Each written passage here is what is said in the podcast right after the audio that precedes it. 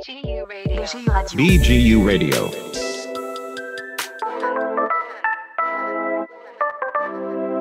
מבולבלים? הולכים לאיבוד בתוך כל המידע? ברוכים הבאים למבוא לאוניברסיטה, לשמוע, להבין, להחליט.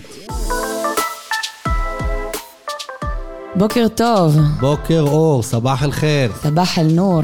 אה, אנחנו כאן באולפן, אנחנו הון אה, פלסטודיו, אה, עם דוקטור יונתן מנדל, מרצה בכיר וראש החטיבה לשפה ותרבות ערבית, חוקר יחסי שפה, חברה, סוציולוגיה של השפה.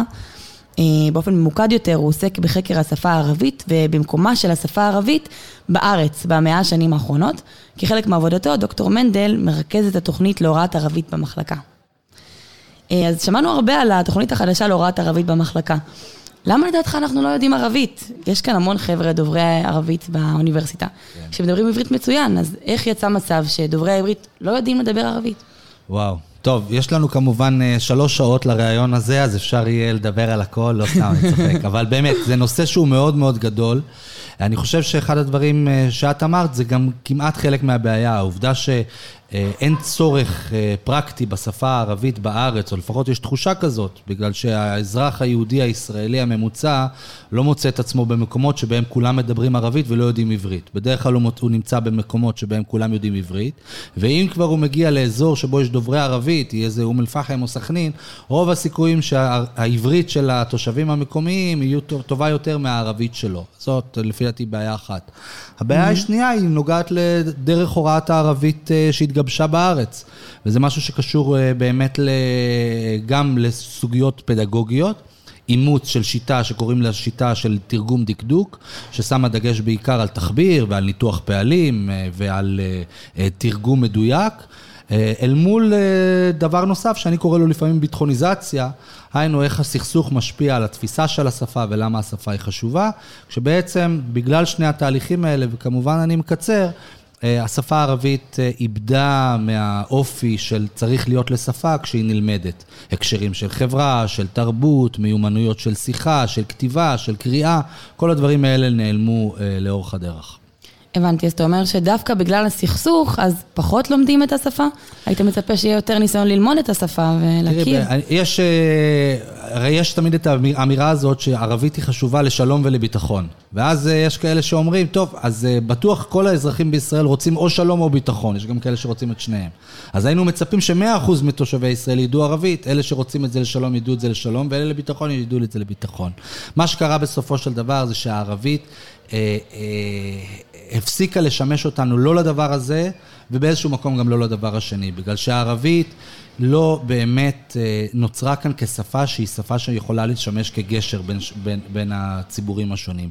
היא הפכה להיות לשפה שאנחנו לומדים אותה לפעמים קצת כמו לטינית עתיקה או יוונית, היינו שפה שהיא כמעט פסיבית, שחייבים רק לקרוא אותה, שאי אפשר, שאי אפשר לדבר אותה, שאי אפשר לרקוד אותה, שאי אפשר לשמוח איתה וכולי. ודבר שני, שמבחינת הסכסוך, גופים מסוימים, בשנות ה-50 וה-60 זה היה עוד יותר ברור, לקחו היו המוקד מוטיבציה העיקרי ללימוד ערבית, מה שגרם לזה שהערבים לא מצאו את עצמם בכלל כחלק מהדיון הזה, אה, כי זה אוקיי. שמן ומים הדבר הזה. אז בראש, ברגע שיש כניסה פנימה של חיל המודיעין ושל הצבא, אז יש יציאה החוצה של הערבים אזרחי ישראל. ונוצרה פה שפה שבה במקום שהערבים, שזאת שפת אימם ושפת תרבותם, ישחקו את התפקיד הכי מכריע, הרבה פעמים הם הפכו להיות השחקנים הכי פחות מתאימים לתחום הזה של ערבית. וכל הדברים האלה אנחנו מנסים לשנות בתוכנית החדשה שאנחנו פיתחנו. אז מה בעצם אה, השתנה ממה שהיה בעבר במחלקה למה שיש היום בתוכנית? תראי, באופן כללי חשוב להגיד שמה שהיה במחלקה נוגע גם באיזשהו מקום במה שקרה בארץ. אני לא חושב שהמחלקה הייתה טובה יותר או טובה פחות מאשר מרחבים אחרים ללימוד ערבית בארץ, אם זה מערכת החינוך, אם זה אוניברסיטה העברית ואם זה אוניברסיטת תל אביב. הגישה היא הייתה הגישה שדיברתי עליה קודם. אה, מה שקרה אבל זה שב-20 שנה האחרונות התפתחה גישה חדשה לחלוטין להוראת ערבית אה, בעולם. אה, ואת הגישה הזאת שקוראים לה תרגום דקדוק, היא הפכה להיות גישה שכמעט מזלזלים בה, בטח במרכזים מובילים. אה, הגישה הזאת, אחת מהן קוראים לה ערבית בערבית, אחת ערבית תקשורתית, אחת אימרז'ן, שזה אומר שאתה צולל לתוך השפה וחייב לדבר בה. אנחנו אה, אימצנו גישה שקוראים לה הגישה האינטגרטיבית. או את טריקת הקיימוליה ללימוד ערבית, ואחד ה... בוא נגיד יש בה שניים או שלושה דברים ממש חשובים, שגם את, אופיר, מאוד תשמחי לשמוע עליהם, כי את אוהבת את השפה הערבית. דבר ראשון זה שאנחנו לא מתייחסים לשתי ה... ללעמי ולפוסחה בתור שתי שפות נפרדות. זה הרבה פעמים הייתה הגישה נוקטת אל-אינטילאק, נקודת הפתיחה של כל דיון על השפה הערבית. יש דיגלוסיה, יש שתי שפות, אין ביניהן שום קשר, זה הופך את הערבית לקשה וכולי.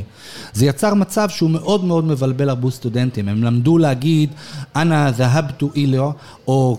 או, או, או מה זה האיסמוקי, ואחר כך הם יוצאים לרחוב והם שואלים ככה את, את תושב הערבי והתגובה היחידה, הראשונה שיש זה צוחק, או בטח. בלבול, או כן. צחוק, או חוסר רצון לדבר, או כמעט לעג לערבית הזאת. אז זה אני אומר הרצון שלנו להפריד בין, אה, הרצון שעד עכשיו קרה והרצון שלנו לצאת נגד זה. הטריקת הקאמוליה אומרת אנחנו צריכים להתייחס לשני המשלבים האלה כמשלב של אותו שפה.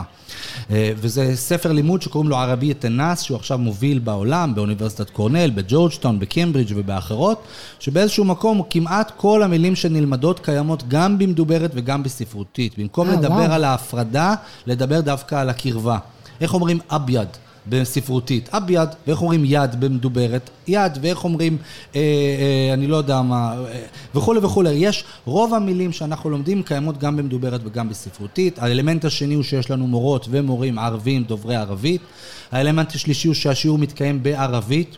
היינו להבדיל אה. מהוראת אה, אנגלית באנגלית וצרפתית בצרפתית ועברית בעברית באולפנים וספרדית בספרדית, ערבית תמיד היו לומדים בעברית. אז לא, הערבית מ-day one, מהיום הראשון, נלמדת בשפה הערבית, והסטודנטים עצמם לומדים כבר אה, לפתח את אותה מיומנות סוציו-לינגוויסטית טובה, שכשהם יפגשו אותך הם לא ישאלו אותך מה זה איסמוקי. הם ישאלו אותך שו איסמק. ומצד שני, כשהם יקראו ראיון בעיתון ושם יהיה רשום מה זה איסמו, הם יבינו הם למה יבינו. הכוונה, הם ידעו, הם, יב, הם יוכלו לפתח את המיומנות הזאת של המעברים בין המדוברת לספרותית. הבנתי, ואיך זה עובד בשיעור? כאילו, יש אה, קטעים שבהם קוראים כל מיני אה, טקסטים, ואז אה, יש גם דיבור, או שהדיבור הוא על הטקסטים בערבית? תראי, אני רוצה להגיד עוד, עוד דבר על התוכנית ואז להגיד משהו על השיעור. אחד הדברים הבעייתיים שקרו בתחום הוראת הערבית בארץ זה שהתלמיד או התלמידה לא הבינו למה הם עושים את מה שהם עושים. למה זה נורא עכשיו חשוב שאני אבין ש... אה, הס- הסתחממה זה הבניין הזה והשורש הזה וכולי. לא, למה זה חשוב לי? הרי מחר כשאני אפגוש אה, חבר ערבי, או מחר כשאני אקרא עיתון, או מחר, האם כשאני קורא בעברית וכתוב לי התקומם, אז אני שואל את, אה, את אופיר, האם השורש הוא קו"ו מ' כן, זה לא או קמ"מ? רלוונטי. זה לא רלוונטי. המטרה היא להבין את התוכן. אחד הדברים שאנחנו אמרנו, בואו נהיה פרקטיים. אנחנו רוצים שהסטודנטים יבינו למה הם לומדים ערבית. אז אנחנו אומרים, למה אתם לומדים ערבית? אחד, כדי לקרוא מאמרים. אז אתם תצטרכו לקרוא מאמרים. דבר שני, כדי לדבר. דבר שלישי, כדי לכתוב. דבר רביעי, כי אתם סטודנטים למזרח תיכון. אז החומר שלהם כבר בשנה הראשונה של הוראת ערבית כולל חומר מלימודי מזרח תיכון. בשנה השנייה, הלימודים שלהם, לשנה הראשונה קוראים ערבית בערבית מיומנויות יסוד, לשנה השנייה קוראים ערבית בערבית מיומנויות אקדמיות, יוצאים מהאישי אל המחקרי. השנה השלישית קוראים לה ערבית בערבית בחיים.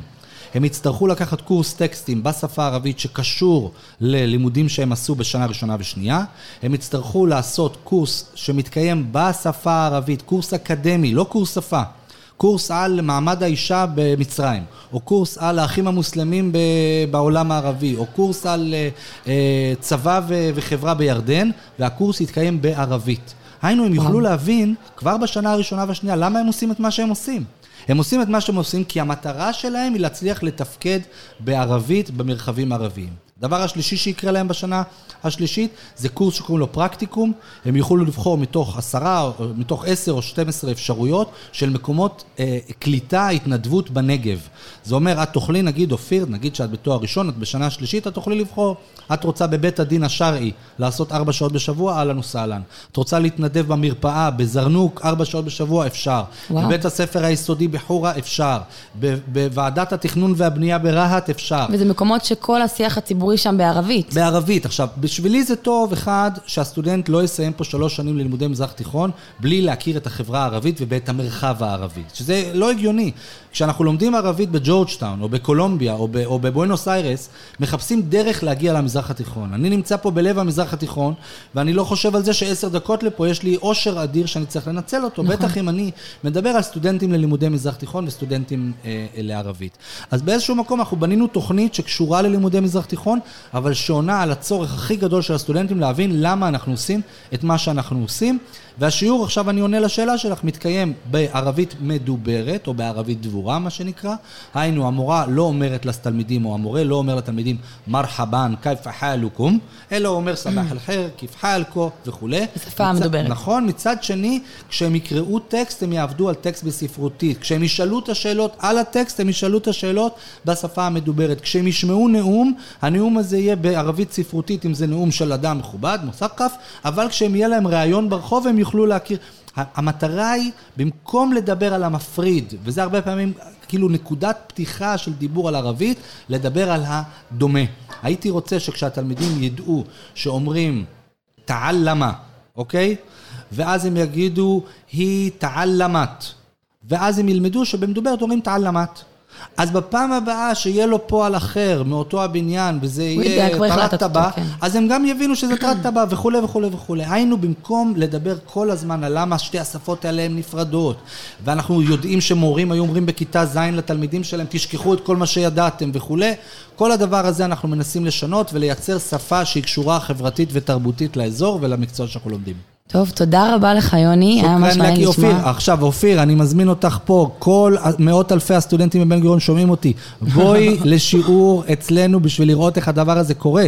את יודעת ערבית מצוין, לפי דעתי בשבילך זה יהיה כיף לשבת בשיעור כזה, רק בשביל להכיר, להרגיש את השיטה. אני ממש אשמח. אני- יאללה, בכל סורור.